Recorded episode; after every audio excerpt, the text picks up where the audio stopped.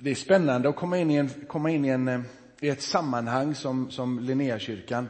Det är ju en... Eh, eh, det är ju, det är ju makalöst. 1972 så, så, så köpte ett gäng då pingstvänner från olika kyrkor kom ihop och, och köpte det här stället och har drivit det här kristna sociala arbetet sedan dess med olika, alltifrån behandlingshem och boende. Eh, att komma in och se människor som brinner för att hjälpa de sargade. Och brinner för att hjälpa den som är eh, minst i samhället. Eh, det är det som lockar mig. Det var därför jag kom dit. Jag har ju inte varit, jag har ju varit pastor och föreståndare.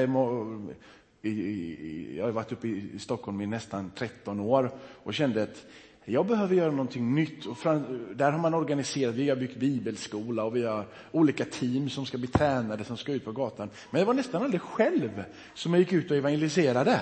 För då hade ju folk runt omkring dig som gjorde det här och de skulle bli coachade och så fick man berätta om någon resa man gjorde när man, liksom för tio år innan för att man hade varit ute på gatorna.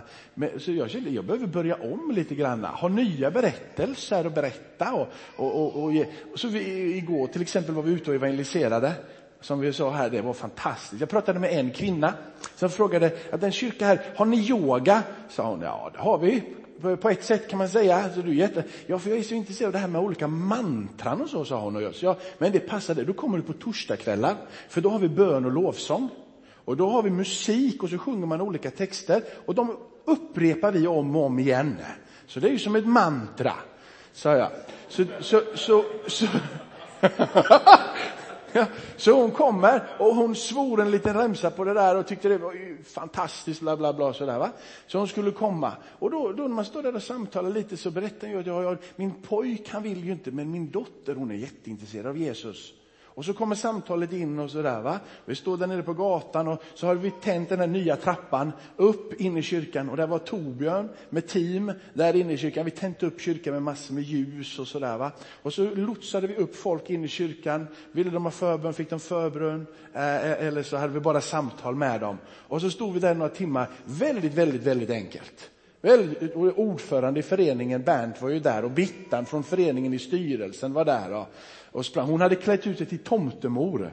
Så stod hon där och sa han, vill du ha en korv? Nej, det ville de inte. Vill du ha marshmallows? Nej, det ville Men vill du ha en tomtekram då? Så gav hon tomtekramar till dem och, och, och sådär. Så det var otroligt många härliga, härliga samtal. Eh, bland annat så träffade jag en kille som var första gången, som heter Martin, som blev frälst i maj månad.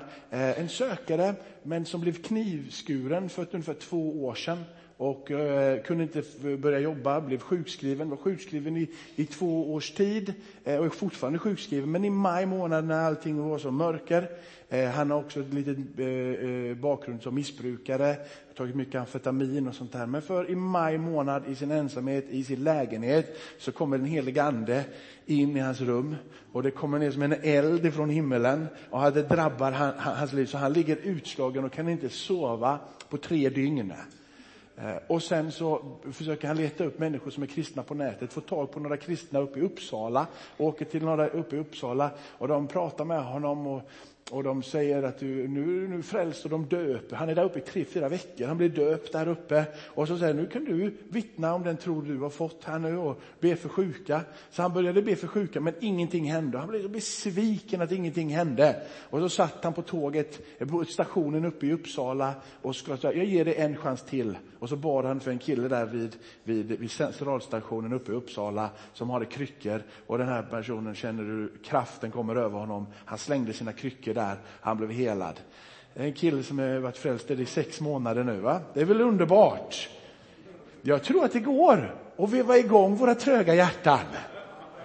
Och jag, jag, har ju, jag har ju haft det fantastiskt, men jag bestämde mig för att det är dags att börja om. Det börjar om, skriva ett nytt kapitel, börja om. Linnéakyrkan har funnits länge, men för mig är det ett helt nytt kapitel. Det är att gå tillbaka och jag tror att du längtar efter att få gå tillbaka och få börja om så det fick bli lite kraft på det. Det vi behöver. Vi behöver känna att det pirrar lite i våra hjärtan, känna att iven och hungern är där igen. Amen. Ehm, jag har gjort i ordning en powerpoint här, för jag tänker att så att jag inte är för fri. Utan då måste jag hålla mig. Det är ju lätt hänt när man är pingstpredikant så här och, och, lite karismatiskt lagd av sig, att man gärna liksom hittar trådar överallt. Så att jag, då, då är en bra idé att man har en powerpoint, då är man fast. Eh, jag kallar det här lite nåd och barmhärtighet. Och jag frågade faktiskt, eh, faktiskt dig Janne här om det var, om, det, om jag ska följa kyrkoåret. Eller om jag får var fri, sa han. Så jag är fri. Eh, men, men vi vet ju att det är andra advent idag. Och det, det, det, är ju stora tider på gång och det är nådens år. Texterna är fantastiska förra söndagen och denna söndagen.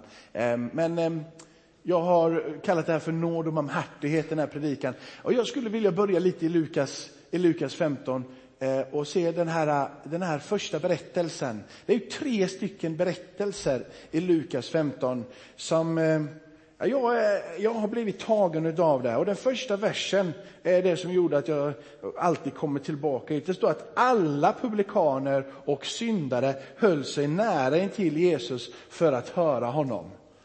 Ja, jag, har, jag har, eh, kan vi gå vidare här? Så den här första berättelsen och den här första meningen.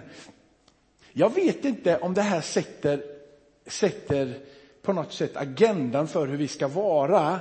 Men eh, det är mycket rykte som står på spel här för Jesus. Är det, är det, är det så här man vill att, men Jakob, alla de där eh, skattesmitarna, alla de där äh, svaga människorna, trasiga människorna, alla de där prostituerade, alla de där människorna, de gillar att vara med dig. Och då så gillar inte du och du som är fina, starka, härliga människor då, va? Ni gillar inte att vara med mig, för det är ungefär det det står här. Att de som var religiösa, de som var inneslutna utav värme, de som hade trygghet, de gillade inte att vara med Jesus. För Jesus brydde sig om dem som var lite sargade. Jag tänker, vad är det som händer för det här ryktet? För jag vet ju själv vad det är när man får ett rykte. Janne är sån här. Janne är husvagnsförsäljare. kommer han alltid att vara.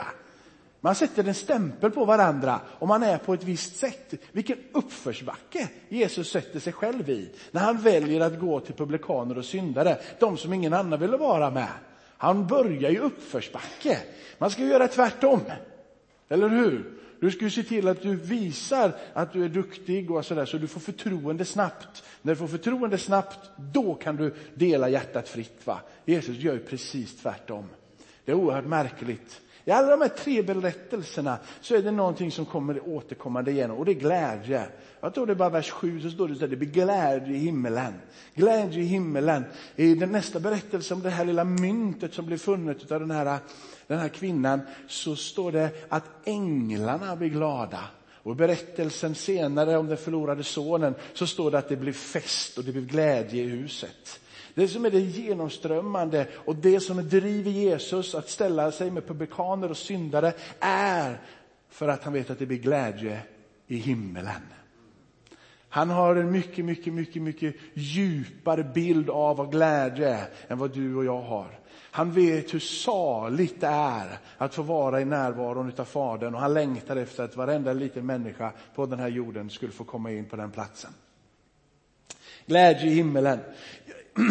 när jag har, jag, jag, för att inte predikan ska bli för lång så jag får skriva ner lite här så att jag inte står och predikar ut alla punkterna hela tiden. Det, det, det är ju det som är problemet med predikanter, att vi kan prata. Så, och, och, och, men det här fåret i den här, i den här berättelsen, ofta så tänker man ju, eller jag tänker ju att det är någon annan. Men när det gick upp ett ljus för mig att det är jag, så blir det ju stort. Jag vet inte om du tänker, men ofta så tänker jag att det här får det är någon annan. Jesus lämnar för att söka upp någon. Men när du läser den berättelsen om och om igen så handlar ju berättelsen om dig. Det är du som är det förlorade fåret. Jag berättade den här berättelsen för, eh, och, eh, och, och, bara här, nu ska jag försöka ta lite mer, men bara den här berättelsen om hur oerhört komplicerat det är att lämna sin flock här som man älskar, vårdar, tar hand om och känner sån kärlek för, de 99 stycken som den här berättelsen är, för att gå bort här borta och fånga den enda. För vad kan hända med dem? Vad händer med dem? Det står ingenstans i den här berättelsen om det tog en minut, tio minuter, fem dagar eller tio år. Det står ingenting om hur lång tid. Det enda som står är att han gör det tills han var då finner det. Finner det en sekund eller många sekunder eller många dagar.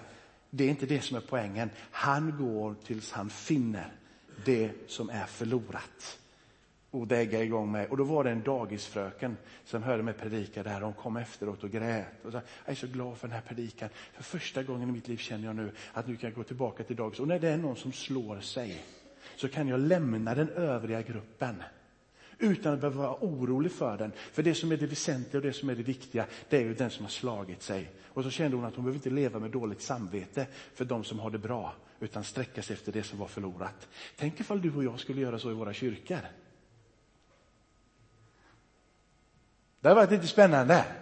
Istället för att vårda det vi har här inne så tänker vi, det där tar Gud hand om.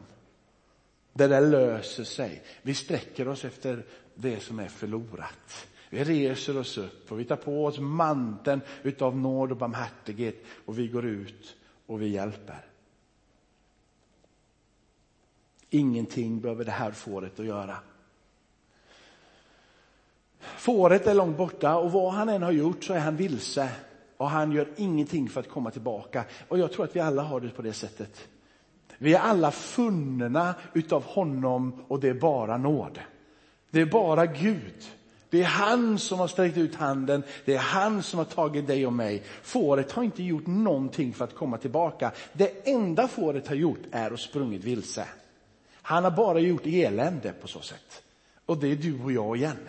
Det enda vi har gjort i vår egen frälsning, det är eländet. Fåret springer, tillbaka, eller springer iväg, han gör ingenting för att komma ihåg, Det är Gud som gör allt. Och när han kommer tillbaka i den här berättelsen så tror jag att det är så här att då lägger Jesus heden, fåret på axlarna. Ofta är du och jag väldigt så här liksom att nu då, kom igen nu, nu ska du kämpa med det här. Får jag berätta någonting som är lite, lite sådär, men, men eh, jag har faktiskt i, i, i med de sammanhang jag har rört mig vid, um, vi har haft både strippor och prostituerade och sånt här som har kommit. Och vet du vad? Att du, när du, eh, de sitter tillsammans så, så märker du inte skillnaden. De är klädda som dig och mig. De beter sig som dig och mig. De har samma musiksmak som dig och mig. Bara att de har ett litet, litet annat arbete än en del. Det är ju högst, helt vanliga människor och det är ju så som Jesus ser på dig och mig. Högst vanliga människor, bara att de har varit i annorlunda miljöer. Blivit tagna. Och det här, när Jesus rör vid både dig och mig som är de här slagarna, så tror jag det är precis vad han gör. Han lägger oss på sina axlar och så går han tillbaka och placerar oss in i den här trygga miljön. Så vi kan börja få växa och vi kan börja få må det bra. Matad, ta emot kärlek. Jag tänker den här, den här berättelsen om det här fåret, att fåret gör ingenting och Jesus gör allt. Och jag får vara det fåret. Stod, vi, tar, vi, tar, vi tar nästa bild. I den här berättelsen så är det det här myntet. Och änglarna, änglarna blir glada. Men den här kvinnan, hon släpper allt. Jag vet inte, att vi kan inte göra det bokstavligt varje dag. Men tänk att någon gång få släppa allt och få söka det som är förlorat. Att inte bry sig om så mycket det som är runt omkring, utan bara lämna allting. Tänk att få lämna sina olika ståndpunkter.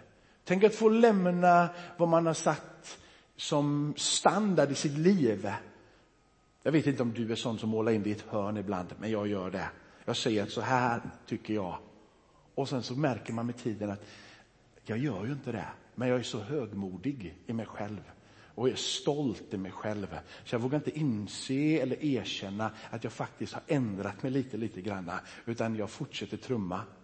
Tänk om du och jag bara för en enda sekund fick bara släppa allt. Släppa allt. Vad skulle du göra? Om bara fick släppa allt, alla dina tankar och funderingar och söka det enda som är viktigt, det här myntet. Och i min värld så är det en enda människa. En enda, enda, enda, enda människa. Få släppa alltihop för att fånga en människa. Jag tänker när Johan nu, Torbjörn, som har blivit frälst, har vill döpa sig. Jag tänker att, tänk ifall vi skulle kunna få ta hand om han. Så på samma sätt som Marianne tog hand om dig. Vara där för den här personen, älska den här personen. Vilken snöbollseffekt är det? Släppa allting för detta enda mynt. Jag tror det är så som Jesus gör med dig och mig. Han släpper allt och tar dig och mig. Och det blir glädje bland änglarna. Jag skulle faktiskt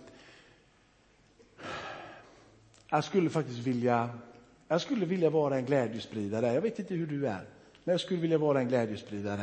Jag skulle vilja vara en som många, många får uppleva. Och faktum är att Bibeln säger att du och jag kan skapa glädje i himmelen.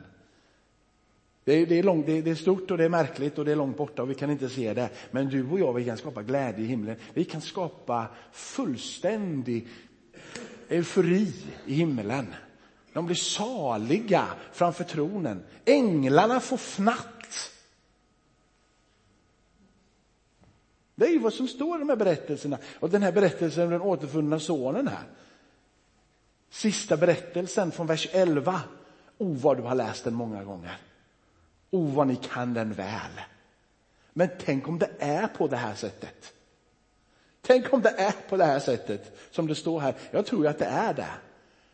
En väg tillbaka in i den trygga gemenskapen. Du var det förlorade fåret. Du såg likadan ut som alla andra. Du var bara på fel plats. Men så fort som du kommer tillbaka till den här flocken så är du inte en av de 99 där borta, utan du är en av de 100, precis likadan med samma klädnad, med samma ring som alla andra.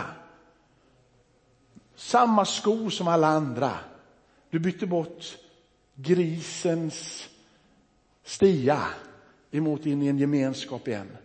Det som är det fantastiska med att komma till den här gemenskapen, det är att genast när du kommer in i den här gemenskapen så tittar människor utifrån in i den här gemenskapen och de ser flocken och de ser inte bara individen. När människorna där ute tittar så ser de att vi är Kristi kropp. Du och jag ska representera och vara ambassadörer här på jorden och sprida hans värme och hans kärlek. Så varje person som kommer in innanför den här flocken måste få uppleva den genuina värmen. Du och jag som är i den här flocken ska omfamna och innesluta det som är annorlunda och det som är konstigt. Publikanerna, syndarna. Jesus till och med pratar ju med kvinnor från Samarien som man absolut inte pratade med.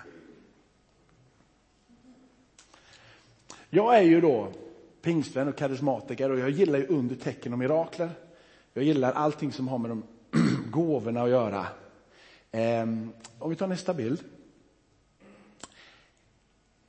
Så Romarbrevet 12 är för mig nyckeln. Jag vet inte hur, hur beläst eller bevandrad du är i Romarbrevet. Men Romarbrevet 12 talar om den här andliga gudstjänsten. Förmana er. Frambär våra kroppar. Det ska vara ett levande och ett heligt offer som behagar Gud. Det ska vara er andliga gudstjänst få anpassa er inte efter den här världen, utan låt er förvandlas genom sinnets förnyelse. Pröva vad som är Guds vilja gott och fullkomligt och behagar han.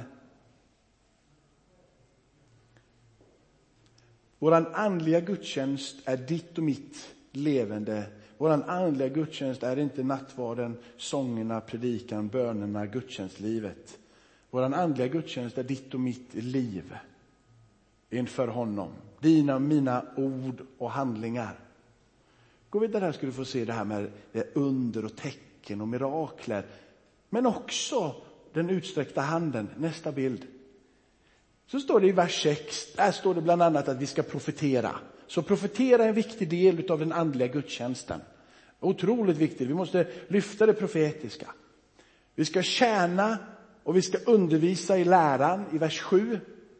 I vers 8 så kommer det, nu börjar det hända grejer här. Nu står det att vi ska förmana varandra, men så står det att vi ska dela ut gåvor också.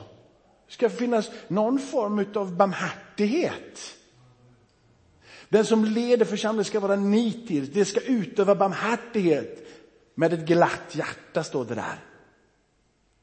Jag älskar ju det här. I vers 6, 7, 8 och sen så kommer du ner i vers 9 så känns det ibland som att det här är motpoler. Du har de här profeterna och du har det här lite bångstyriga och det är lite under och tecken.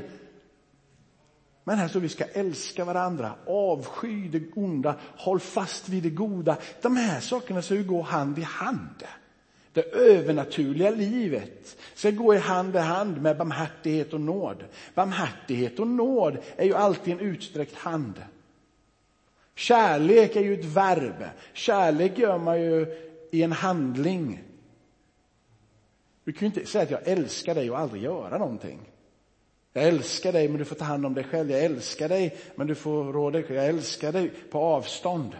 Det är inte älska. Älska är att göra någonting passion och känslor och sånt där, det är ju inte först och främst en, en handling. Men älska är någonting man gör. Man visar kärlek genom att man rör och tar och hjälper varandra. Innerligt tillgivna varandra. Alltså det, broderlig kärlek är ju inte en dunk i ryggen. Innerlighet är att man känner varandra berör varandra. Att det finns någon form av känsla för varandra. Nästa vers. Och så kommer nästa, så hoppar det tillbaka. Brinnande i anden. Då går en del äh, igång. Och så nästa vers, glada i hoppet. Tåliga i lidandet, uthålliga i bön. Nu är det många som är igång här. Det är brinnande i anden och det är bön. Och så vers 30 så ska vi hjälpa de heliga och vi ska visa gästfrihet. Det går liksom inte att bara säga ett halleluja utan att också älska, ta hand om och ge till den som ingenting har. Välsigna, gråt med dem som gråter. Sträva efter det som är gott inför alla människor. Håll fred med varandra, med alla människor så långt det går. Det där har jag problem med. Jag vet inte du, jag har, alltså jag har ju min fru och vi är ovänner ständigt, eller på att säga. Men, men det gäller ju att skapa freden. Om vi nu blir ovänner, jag och Janne, för att jag nu har sagt att Janne är gammal gubbe. Men så får vi se till att laga det. Eh, jag får se till om det är fler av de här gubbarna som är bittra, så får jag prata med dem. Uh, och by the way så är det så här att det är ju piller för att jag ska kunna se att, alltså liksom att jag fortfarande är, är pojk. Du vet, när man ser att det börjar tappas här och att man är mer grå än, än mörk så är det ju enda, det är ju bara att skjuta på de som är äldre. Och hämnas inte, ja, är dina fiender hungriga, ge honom mat. Är han törstig, ge honom att dricka. Alltså, det är inga lätta puckar det här. Eller? Det är lätt att säga ja på någon, det brinnande anden och profetera, då går jag igång. Jag, jag, jag gör det. Men jag måste, det, han, det här är det, uff. Låt dig inte besegras av det onda, utan besegra det onda med det goda. Nej, farligt. Vet du, jag hörde en berättelse om Alexander den store. Alexander den store var visst ute och vandrade tillsammans med en följeslagare och så såg han en fattig människa. Och Alexander den store sa till en av sina, sina bärare, vad de nu än bar allting, så jag ville ha ett, ett guldmynt. Han fick ett guldmynt i handen och han tar guldmyntet och han ger det till den fattige och så säger han, gå och ät. Följeslagarens ögon blir stora som tefat och säger, men, men Alexander vad gör du? Eh, den här, den här, den här, alltså det hade ju räckt med ett litet kopparmynt. Alltså du, du ger ditt guld, det hade räckt med ett kopparmynt. Varför gjorde du det? Och då svarar Alexander den store, ja, jag gjorde det för att jag kunde. Och så är det med Guds nåd och så är det med Guds kärlek. Han ger det för att han kan det. För att han vill det. Inte för att han måste, men för att han vill det och kan det. Och det kan du och jag med. Vi har fått så mycket kärlek, vi har fått så mycket nåd, så vi kan också besegra det som är ont runt omkring oss med det goda som Gud har gett oss. Nu har jag åtta minuter kvar, Janne. Jag vet att det är viktigt här, så vi inte går över en och en halv timme. Janne instruerade mig här nere vid, vid, kaffe, vid kaffekoppen. Han, han, sa det att nu så, sitter folk där och tänker att det är jag som leder mötet idag, Jakob, så idag så håller vi tiderna, sa han.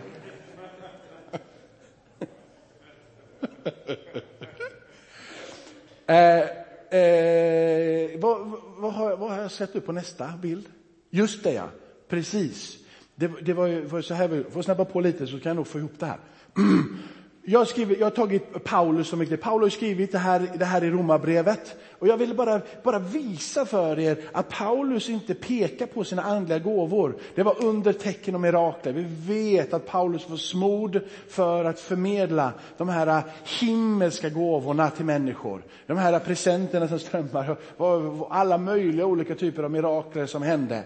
Men när Paulus samlar den äldste i Efesus. Han har varit där i tre, eh, tre år drygt och, sen, och så han, åker han iväg på en missionsresa igen. Han kommer tillbaka ifrån, ifrån, ifrån Makedonien och runt där uppe han har varit och drar sig tillbaka och känner att jag har inte riktigt tid att åka tillbaka till Efesus. Så han kallar på de äldsta. de kommer ut till en, till en annan del av kusten där det var lättare och där han skulle stanna till.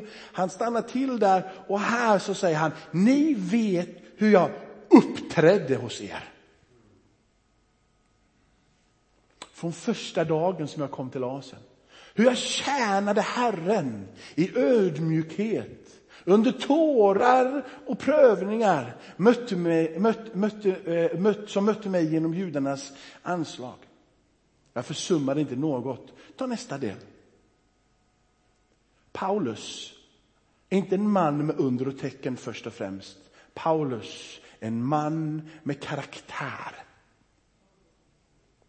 Paulus pekade på sitt liv, sin kärlek till människor, sin utsträckta hand, sitt sätt att vara i närheten av de människor som kände honom.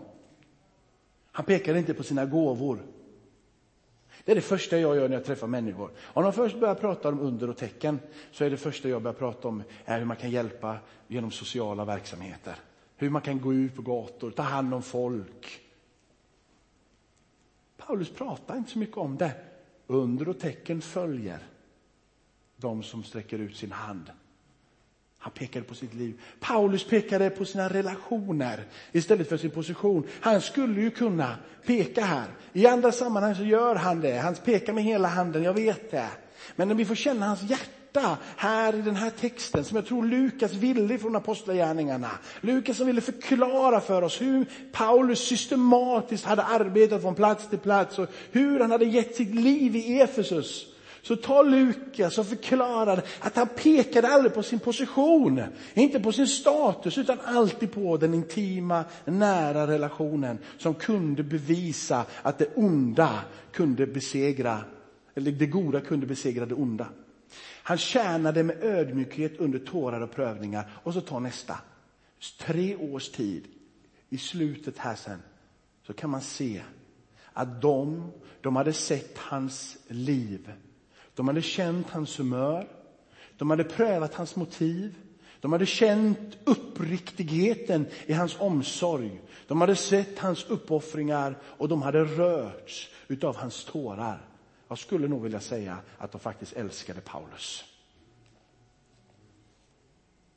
Inte konstigt att de ville lyssna på Paulus. Han älskade dem. De hade sett det, de hade känt det.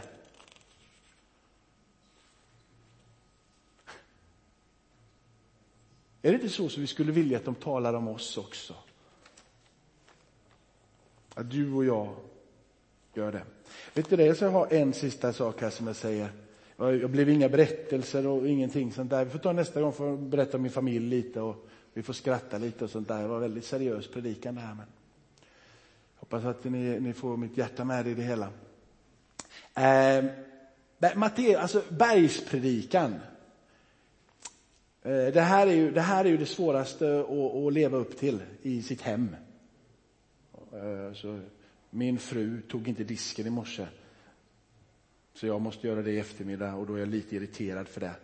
Det är inte så att jag tar disken om och om och om, om igen. Så, liksom, utan. Det är så man får göra. Men det här är det svåraste. Det är ju att hela tiden visa den här vägen. Och det vi kallade att göra. Du ska ju inte tro att du kan mäkta med det här utan eh, den heliga Ande. Hur ska du kunna besegra det onda med det goda utan den heliga Ande? Jag har läst Bergspredikan om och om igen och jag har gjort många bibelstudier på det och, och pratat mycket om det. Jag har det på, på, på, på bibelskola och, och stått många timmar och både, både studerat det och, och delat ut och vänt och vridit på det. Jag skulle vilja säga att leva det livet som Jesus säger att vi ska leva är stört omöjligt. Jag har redan kapitulerat för länge sedan. Jag har insett att älska mina fiender, det klarar jag inte av. Du kanske klarar det, jag klarar inte av det. Jag erkänner det. Jag klarar inte ens av det här. Jag erkänner det fullt ut. Jag känner mig själv, trots att jag bara snart här ska fylla 39, jag känner mig själv. Jag vet att jag inte klarar av det. Men när jag får möta med Gud, ser ni, då blir det skillnad. När jag får gå in i en stund av förbön för mig eller för någon annan, att vara i närheten utav Gud.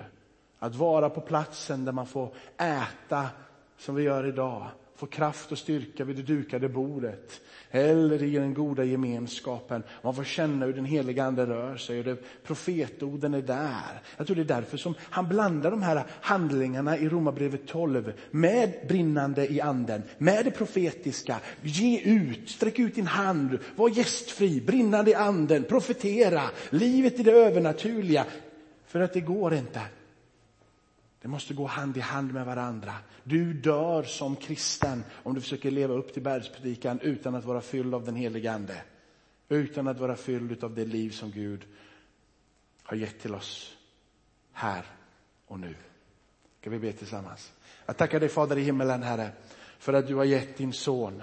Att du sände din son och sonen villigt skrev upp på uppdraget att lämna sin gudagestalt läser vi att anta en ödmjuk tjänares gestalt, att vandra här på jorden. Vi prisar dig Jesus Kristus, våran frälsare och våran Herre. Och vi tackar för det livet som vi har fått i den helige Ande. Hur du har utgått ifrån Fadern och Sonen, hur du är här helige Ande. Hur du är ett löfte genom profeten Joel, ett löfte in i den här tiden att vi ska kunna få kraft ifrån höjden för att kunna älska och speciellt i juletider. Speciellt i den här tiden, Herre, får vi tänka på barmhärtighet och nåd. Jag ber Herre att de som är här idag och är under min röst här när jag ber, att de skulle få känna kraften strömma igenom ifrån den heliga Ande. Att de skulle få bli upplivade i sin ande. Att de skulle få Jesu Kristi sinne som vi läser i Romarbrevet 12 i början. Förvandlade sinnen. Möt med oss, förvandla oss. När vi stiger in i nattvarden här, Herre, låt det komma kraft över oss, Herre. Låt oss få känna hur din kropp, hur ditt blod styrker oss i den här stunden, Herre. Tack för att du är här. I Jesu namn är det vi ber. Och allt folket sa Amen.